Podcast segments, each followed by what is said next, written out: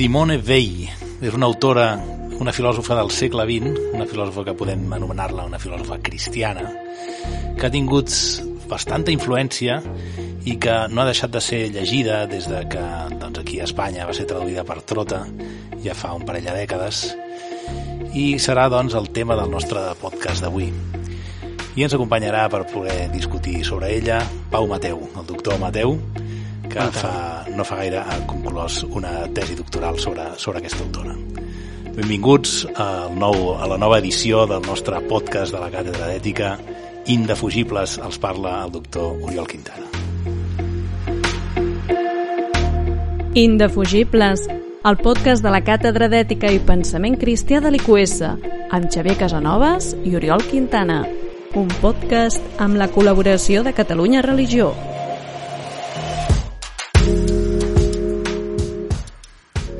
Bona tarda, doctor Pau Mateu. Bona tarda. Benvingut. Gràcies per estar amb nosaltres. Eh, eh, Pau, ens podries fer una mica de resum biogràfic de qui era Simon Weil? Sí, uh, Simon Weil va néixer al 1909, per tant, a principis de segle, amb una família uh, de, diguem-ne, de, de tradició jueva, encara que no eren practicants, i ella no va, no va ser educada mai en el judaïsme, sinó més doncs, en un ambient més agnòstic, laic, uh, d'acord amb, amb els valors, diguem de la República Francesa, etc. No?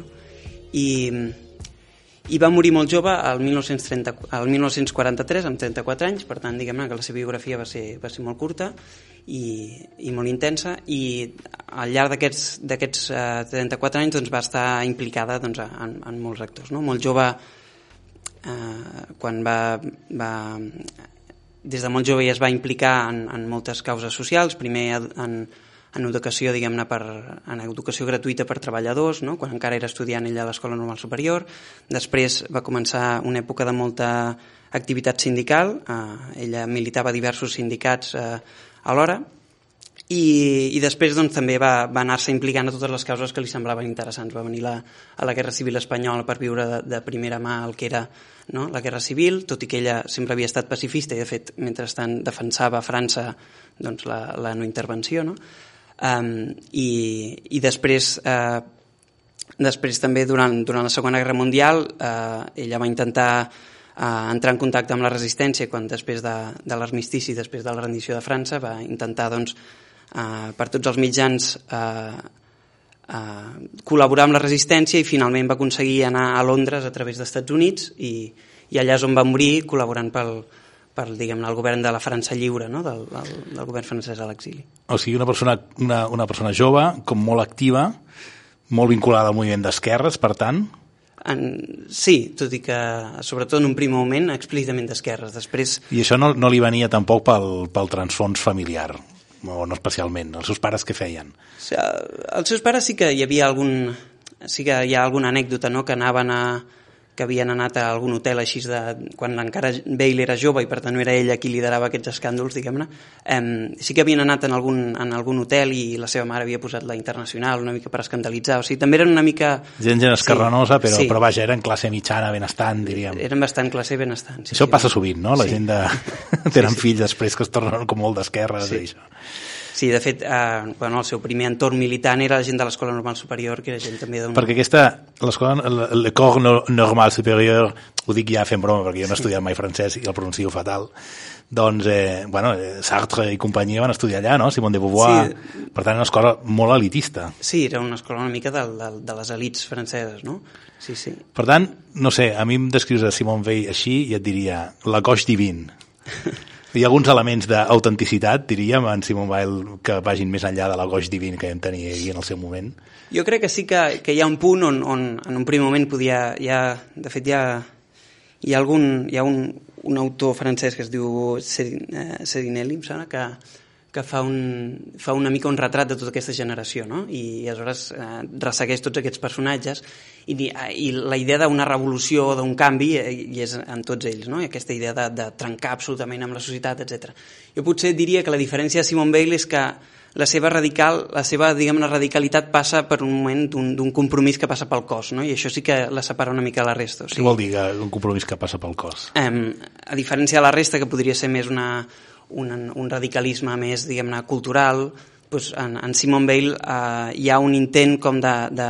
L'agoix divin, o sigui, gent així com molt burgesa, que es compromet molt mentalment amb Sí. les coses, però que no, bueno, no, no, no s'hi no diguéssim, a, pues, passant gana o passant fred o treballant, no, Sí. no és el cas de Simon Bailey. Exacte, Simon Bale, diguem-ne, des, de, des de molt jove va, va com, a, com a imperatiu ètic una mica va imposar-se la idea de viure amb les condicions de, de la gent que ho passava pitjor. I aleshores, doncs, quan va començar a cobrar, eh, quan començava a treballar com a professora en instituts, doncs, eh, limitava el seu salari al que cobraven els aturats i la resta ho donava a organitzacions d'esquerra, sindicats, etc. Se la veia, doncs, diguem-ne, anant a les manifestacions amb, amb, amb, amb els aturats, amb, amb, amb els treballadors de, de, de, amb els miners que hi havia per la zona on ella estudiava, ella fins i tot aconseguia entrar doncs, a les mines i veure com treballaven els miners allà, i uh, un, un moment clau en la seva biografia és quan a finals de 1934 ella decideix entrar a treballar en una fàbrica, i aleshores uh, a més una fàbrica del sector del metall, I que en aquest punt, ella, dures. si no tinc entès malament, ja havia acabat la carrera, ja tenia un lloc fixa com a treballar, com a, perdó, com a professora de filosofia, veritat? Mm. O sigui, ja tenia com la vida muntada i llavors és quan va decidir, vaig a treballar a la fàbrica. Sí, em sembla que havia treballat a diferents... No sé, a, a tres instituts havia treballat, de, de tres llocs diferents de França, i aleshores va demanar una excedència per fer un doctorat o per fer un estudi. Em sembla, el, el, a, a la carta oficial diu que vol fer un estudi sobre les condicions de la indústria moderna i la relació entre això i, i, el, i el pensament, etc. I aleshores realment ella volia fer aquest estudi però el fa anant a treballar a la fàbrica. No? I em sembla que de fet això treballa a tres fàbriques diferents perquè a més a més doncs, l'acaben despedint d'una, passa una època d'atur, d'intentar trobar un altre lloc i, i, i és una experiència molt important a la seva vida perquè aquí és on coneix, on, on té una experiència de, de coses que després eh, fan, no, no, no, no provoquen una, una, un canvi brutal del seu pensament perquè en moltes coses hi ha molta continuïtat però sí que li introdueixen determinats matisos. O sigui que hi ha aquest element d'autenticitat respecte a altra gent de la seu, del seu mateix trasfons social que és, bueno, doncs eh, anem en sèrio, diguéssim, no podem parlar de certes coses si no les coneixem directament i per tant si anem a, ser, anem a jugar a ser oreros, doncs siguem-ho de veritat, diríem, no? I estiguem i això no tots els intel·lectuals de la seva època ho van fer ni molt menys. I de fet, jo penso que aquí hi ha, hi ha una cosa interessant que és que ella hi ha determinades observacions que fa sobre l'operació obrera, per exemple, que sí que afegeixen coses que penso que no s'havien dit gaire, no? I això fa gràcies al fet que ella experimenta de de primera mà, no? I aleshores... Bueno, llavors, eh, a partir de cert moment, eh, i ja l'hem presentat com una filòsofa cristiana, diguéssim, la, la qüestió de la vivència de la fe cristiana entra més força en la seva vida. Ens vols explicar com va anar la cosa? Sí. aquesta? Jo, um, això ho explica sobretot en diverses cartes, però hi ha una carta que es diu Autobiografia espiritual que l'envia a un dominic que es diu Josep Marie Perrin, em sembla, uh, que la carta és del 1942, o sigui que és una carta una mica retrospectiva, on ella explica com, com va com, com va obrint-se una mica aquesta dimensió. No? I això, eh, aquesta, aquesta obertura està molt relacionada amb la seva experiència de fàbrica perquè d'alguna manera la seva experiència de fàbrica destrueix una mica el seu orgull de... No? de, de ella creia doncs, que tenia unes, unes grans virtuts i una gran capacitat de resistència, etc i l'experiència de fàbrica la, la deixa feta caldo una mica. No? Ella diu tenia el cos i, i l'ànima fet a miques després d'això. No? I aleshores, en un primer moment, aquell mateix estiu, després de treballar a la fàbrica, um, ella va en un, en un petit poblet de pescadors i, i sent uns cants i veu com uh, tota, el, tota la processó Hi ha una processó... Sí, quina, un- quina mena de processó? és una processó de les dones de pescadors, diu ella. No? El- Una processó de Setmana Santa, diguéssim, Sí. No, que- era era l'estiu, a la festa patronal. Diu. La festa patronal. Per tant, hauria de ser una processó per la Mare de Déu, de, Sí. de, de la Mare del Carme seria, no? De Segurament. pescadors, segurament. I, i això, diu que cantaven uns camps. Estava a Portugal ella de vacances i aleshores eh, això, al sentir una mica aquests cants i diu, vaig tenir la, la, la sensació que el cristianisme era la religió dels esclaus, que els esclaus no podien fer altra cosa que adherir-s'hi i jo entre ells. O sigui, que aquí hi ha un primer moment de dir perquè aleshores de la fàbrica treu aquesta ex, uh, experiència de l'esclavatge, que això és, suposo que després en parlarem quan parlem de la desgràcia, així, sí, però sí. aquí és un... diguem-ne que ella connecta aquesta experiència que ella pateix amb el cristianisme. Però diguem-ne que això no queda una mica aquí. Ella, després, si mirem els textos d'aquella època, pràcticament no es veu res d'aquesta experiència. No? O sigui que hi ha alguna carta que diu alguna cosa, però pràcticament no es diu res.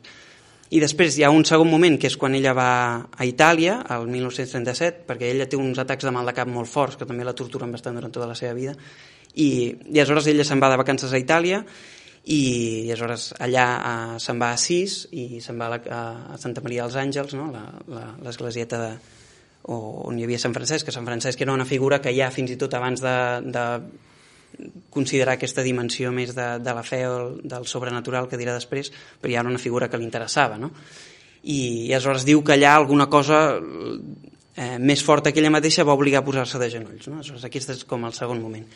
I el moment, eh, diguem-ne, definitiu és quan després a, el 1938 passa una Setmana Santa també a Solesma, que és un, un monestir on encara avui em sembla que es fa Can Gregorià, i allà té uns moments com de, de, també d'un experiment, una, com una, una experiència intensa amb la bellesa i després a la tardor d'aquell mateix any, del 1938, hi ha un moment que llegeix un poema, que és un poema de George Herbert, um, que és es diu Love. Anglès, no? Sí. I, I allà diu que té una experiència mística, purament. O sigui que diu, Crist va baixar i em va prendre. I aleshores a partir d'aquí és quan ja veus que sí que en els seus textos hi ha un canvi. O sigui, cada cop ja no pot deixar de negar que existeix una dimensió, que, que és el que ella li, després li el sobrenatural, que intervé com verticalment en el nostre món i que hi ha coses del nostre món que només s'expliquen amb aquesta intervenció. I per tant, és com que ella fa un esforç per incorporar aquesta dimensió eh, en tota la seva concepció filosòfica, intentant ser el màxim racional possible, perquè això sempre ho intenta, però a partir d'un moment ja no pot negar que, que ella creu que això és real i que això realment intervé en el nostre món. No? I, eh, i per ella, diguem-ne, l'experiència que ella té és, és amb, amb el Crist, no? O sigui, diu, Crist va baixar i em va prendre. I tot i que després busca paral·lelismes amb altres religions, etc, sí que és veritat que les experiències amb el Crist i no, no amb altres. No? O sigui, déu nhi recapitulem. Una, una noia de família jueva que a la, eh, ella espontàniament, diguéssim, potser influïda amb els seus pares, però molt de la seva acollida també, es barreja amb el moviment obrer cosa que ja suposo hauria de despertar algunes suspicàcies entre els seus companys de l'École Normale Supérieure, no? perquè, eh, per aquesta implicació que ells no tenien, i que més a sobre de tenir una experiència mística relacionada amb el cristianisme, no? en, el, en el marc del cristianisme, això suposo que encara hauria sí, ser quelcom que l'alienava més respecte diguéssim, al, al transfons eh, intel·lectual en el, que, en el que va créixer i es va criar, no? La fa com més estranya. Sí, sí, sí ella Uh, també és veritat que, que hi ha moltes coses que s'hi comparteix amb altres, amb altres personatges d'aquest moment, no? d'aquest període entre guerres, però sí que és veritat que, que sobretot aquesta incorporació amb l'experiència mística, va, o sigui, aquesta incorporació del sobrenatural a partir de l'experiència mística sí que xoca als seus companys, no? i de fet a alguns dels seus amics més propers, perquè també és veritat que ella aquest, aquests escrits que, on ella ja comença a incorporar aquesta dimensió del sobrenatural són escrits que, que són que molts van aparèixer pòstumament, o sigui, ella la seva vida no els va, no els va publicar, moltes vegades o eren escrits que, que llegia només ella i alguns, alguns, mm, algunes persones molt, molt, amb una relació molt, molt íntima, Bé, parlem, parlem ja de, del contingut de la seva filosofia. Hi ha, hi ha un parell de conceptes eh, de Simone Weil que, que a mi sempre m'han cridat moltíssim l'atenció i que, de fet, algunes vegades treballo amb els meus alumnes i voldria que ens expliquessis una mica en què consisteixen. El primer és el concepte de desgràcia. Què és això de la desgràcia? Jo penso que eh, el concepte de la desgràcia és un concepte que ella va, va elaborant, no? No és que, eh, no és que el tingui sempre al llarg de la seva filosofia, sinó que va apareixent en els seus textos i sobretot a partir de, dels textos dels anys 40 doncs és, un, és un concepte molt, molt present. No?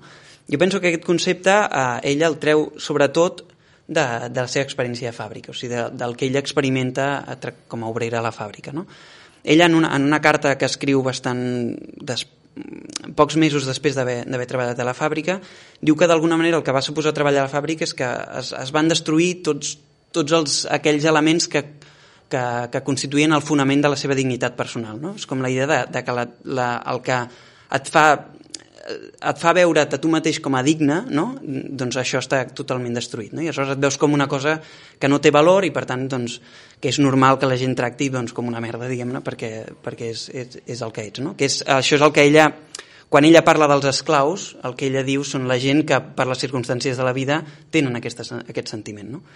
Doncs jo penso que la desgràcia són aquelles circumstàncies que, que provo provoquen aquest sentiment, no? De, de no ser absolutament res. Que I, per... I quines altres circumstàncies poden provocar, es desemboquen aquesta situació mm. de la desgràcia? Quina a part de, l'experiència de Simone Weil? Sí, ella diu, hi ha un moment que en un text que... Jo penso que el text on més desenvolupa la qüestió de la desgràcia és un text que escriu el 1942, que és L'amor de Déu la desgràcia, i allà ella diu que la desgràcia eh, és aquella circumstància que fareix en les tres dimensions de l'ésser humà, diu, en la dimensió física, psíquica i social. O sigui, que hi ha d'haver eh, una, una circumstància que fareixi en aquestes tres dimensions. No? Diu, el dolor físic sol doncs sí que et pot ser molest, però, però no acaba destruint el teu sentiment de dignitat personal, no? perquè un, diu el mal de dents, per exemple, pot ser molt intens en un moment, però després desapareix. Però quan, quan hi ha una circumstància que fareix en aquestes tres dimensions eh, i que per tant també atempta contra el prestigi social no? I, i, i comporta per tant el menyspreu social, etc, aleshores sí que hi ha desgràcia. Aleshores, eh, un exemple potser de persona que ha sigut sotmesa a la desgràcia podria ser, no sé, se m'acut les, les, les víctimes de d'abusos, diríem, eh, que sé, perquè, perquè també hi ha aquest element, veritat, que quan una persona ha, ha experimentat una desgràcia, la desgràcia, perdó, hi ha una mica de rebuig social, no? Ja diu Simon Weil que hi ha una espècie d'instint que ens fa menysprear les persones que, que, ha patit, que han patit desgràcia, no? I també és una de les raons per les quals els hi fa vergonya explicar-ho, els hi... Si això és així, aleshores com es pot fer per ajudar una persona que ha sigut sotmesa a la desgràcia, segons Simon Weil? Sí, eh, això per ella també és... Eh, ella parla a vegades d'una espècie de mort de l'ànima, no? O sigui, és una, realment és una experiència molt radical, eh, tal com ella ho entén, i sí que a més a més connecta amb una espècie de, de, de tendència que hi ha en l'ànima humana, en, en humana i, i això és una cosa que ella descriu al llarg dels, dels seus textos i que ella relaciona amb un altre concepte també central, que és el concepte de força, que és justament que, que els éssers humans tendim a menysprear doncs, els desgraciats. Ella diu el, tot el menyspreu que hauria de, de, que hauríem de sentir davant del criminal el, el sentim davant del desgraciat. No?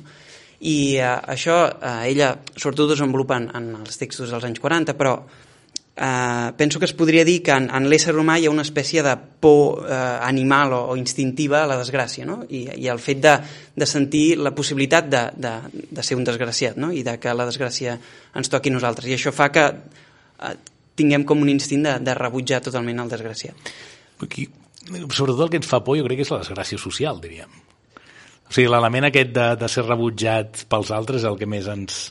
Sí, jo penso que ella li donava molta importància a la qüestió del, del prestigi social. O sigui, ella creia, de fet, que, això, que, que no hi ha desgràcia si no hi ha un atemptat en, en aquesta dimensió, diguem-ne, també social. El que passa és que sí que és veritat que quan no hi ha dolor físic, però ella creu que la imaginació es pot evadir una mica. No? Clar, però el dolor físic ha... fa Exacte. que no puguis, dir, no puguis ignorar el que estàs, el que t'està passant. D'alguna físic... manera és com que el dolor físic obliga a la imaginació a dir, mira, mira, sí, sí. això està passant. No, Arrossega no l'atenció cap, a, cap a si mateix i no, sí. no et permet escapar-te.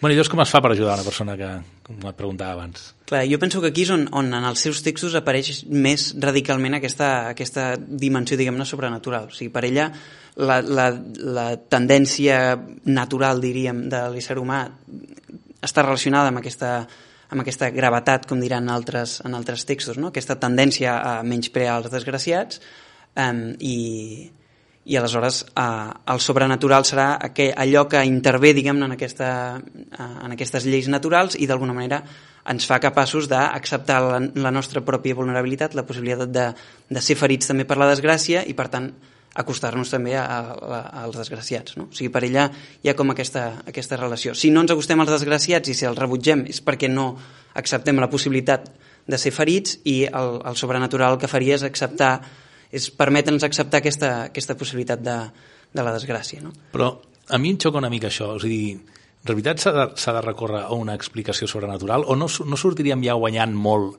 si tenim una mica més clara la possibilitat de que qualsevol de nosaltres, per una qüestió d'atzar, destí o com vulguis dir, qualsevol de nosaltres pot experimentar i ser sotmès a la desgràcia en un moment donat. Que la, la possibilitat de la desgràcia és com constitutiva de les persones, no? A mi em dóna la impressió que això ho hem oblidat molt. Abans has dit, per exemple, has dit que la desgràcia consisteix en perdre, en perdre la dignitat, diríem. Tu creus que la dignitat es pot perdre? No, no és més aviat una cosa que és inherent a les persones?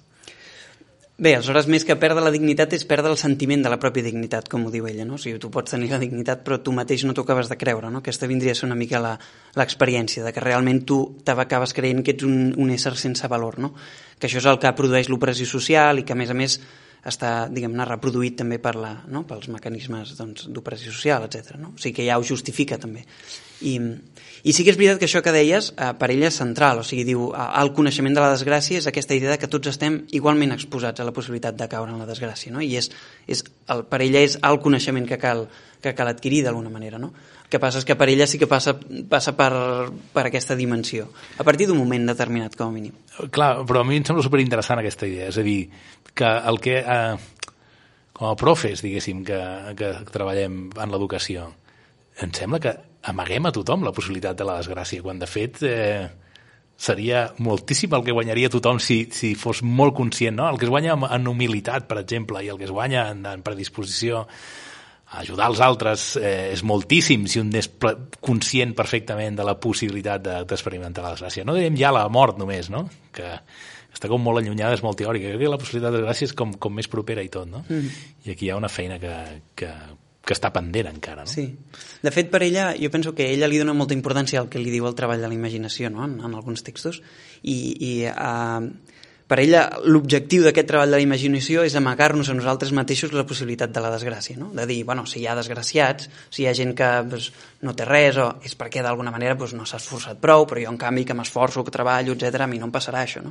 I és una mica això, aquest distanciament que produeix la imaginació és el que cal justament invertir en aquest coneixement de la possibilitat de la desgràcia, no? de que tots estem igualment exposats a, a, a, a la possibilitat de, Jo- de la desgràcia. Jo per defensar una mica el cristianisme, no, que ara està tan passat de moda, eh, has dit que diguéssim, eh, la, la descripció de la- de l'experiència de la desgràcia la treia Simon Weil de- d'haver treballat a la fàbrica, d'haver sigut explotada d'haver-se sentit mm, bueno, doncs no res, diguéssim, no, durant aquell període. Però, de fet, és una idea molt central en el cristianisme, mm. no? Sí, sí, e- ella ho diu, eh? Això hi ha un text del 1937 que és quan ella encara no està en, en un context on, on expliciti aquesta dimensió, etc. I, eh, de fet, em sembla que és a Meditacions sobre l'obediència i la llibertat, a, en, en un context encara molt polític, de, de debat amb el marxisme, etc. Ella diu que el que feia el cristianisme era donar una dignitat a aquells que no tenen dignitat, no? Perquè Uh, i, aleshores, I aleshores en aquell moment diu que per això en un, prim, en un moment el cristianisme era subversiu, etc. O sigui que ella li reconeix justament, i jo penso que per això li interessa, perquè ella també hi ha, hi ha moments que, que estudia les, les tragèdies gregues com també un- una font de, de coneixement que pot donar dignitat als desgraciats, no? però, però després també també li reconeix al cristianisme això. Jo penso que per ella és, és la, el centre del cristianisme justament aquesta idea de, de que, de que els humils, diguem-ne, en el sentit més de, arran de terra, no? Doncs, doncs, són els que són mira, ben mirats per Déu i són estimats per Déu, etc. No? Perquè, de fet, el cristianisme és una espècie de celebració o, o sigui, l'encarnació la idea tan potent d'encarnació que hi ha en el cristianisme ve a dir que Déu quan es fa home, es fa un desgraciat, diríem, no? Hi ha algun, algun text de la Bíblia que, que això ho recorda. I és una cosa que, que val la pena mencionar-la, perquè a vegades també ho oblidem, diríem, no? O sigui, els mateixos cristians no, no, no tenim clar que el nostre Déu és un Déu que, que bàsicament és un desgraciat, diríem, no? Ens agrada, no, no ens agrada tenir-ho davant de tot. Sí, de fet, per ella és això que la... Per ella el centre del cristianisme tenia a veure amb aquesta experiència de desgràcia i el fet que, que Déu s'havia encarnat amb un desgraciat i això ella cita molt, hi ha un text de la carta de Sant Pau als, als, als cristians de Filips no? que diu això de eh, Crist eh, havent pres la condició d'esclau. O sigui, ella Sent de agrada condició divina va decidir Sí, prendre la condició d'esclau, també és curiós que mencionis la font grega, no? Això a vegades també ens passa de percebuts que... Bueno, jo recordo haver estudiat eh, en el seu moment eh, algunes assignatures de cultura grega, de literatura grega, i haver llegit, estudiat les, les tragèdies, sinó haver- haver-me haver passat completament per alt, diguéssim, que un dels centres de, de, d'aquesta d'aquest- d'aquesta manifestació cultural era la humiliació, diguéssim, dels protagonistes i com aquesta humiliació els comporta, evidentment, la humilitat i la saviesa, no? Diguéssim. I això també, Simon, llegint Simon Weil, em va, em va sorprendre. Bé, doctor Mateu, moltes gràcies eh, per, la, per haver vingut. Bueno, moltes gràcies a vosaltres per convidar-me. I pels nostres oients, doncs, dir-los que jo ara mateix tinc a la mà un, un llibre de Simon Weil que es titula La gravetat i la gràcia, el pròleg del qual el va fer eh, nostre convidat, el Pau Mateu, que es va escriure una presentació i també es va encarregar la traducció. Super recomanable i és un dels llibres bàsics per conèixer la figura d'aquesta filòsofa. I doncs, si els sembla bé, ens veurem a la propera, ens sentirem a la propera edició de Indefugibles. Adéu-siau.